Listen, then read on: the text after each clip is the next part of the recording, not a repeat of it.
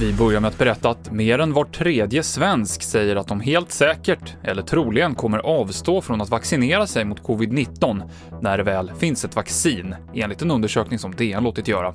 Anledningen verkar vara att man är rädd för biverkningar eftersom vaccinet tas fram ovanligt snabbt.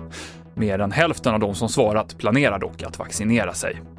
Samtidigt som smittspridningen av corona tagit fart igen så öppnade för första gången på över ett halvår flera av nattklubbarna vid Stureplan i Stockholm igår kväll.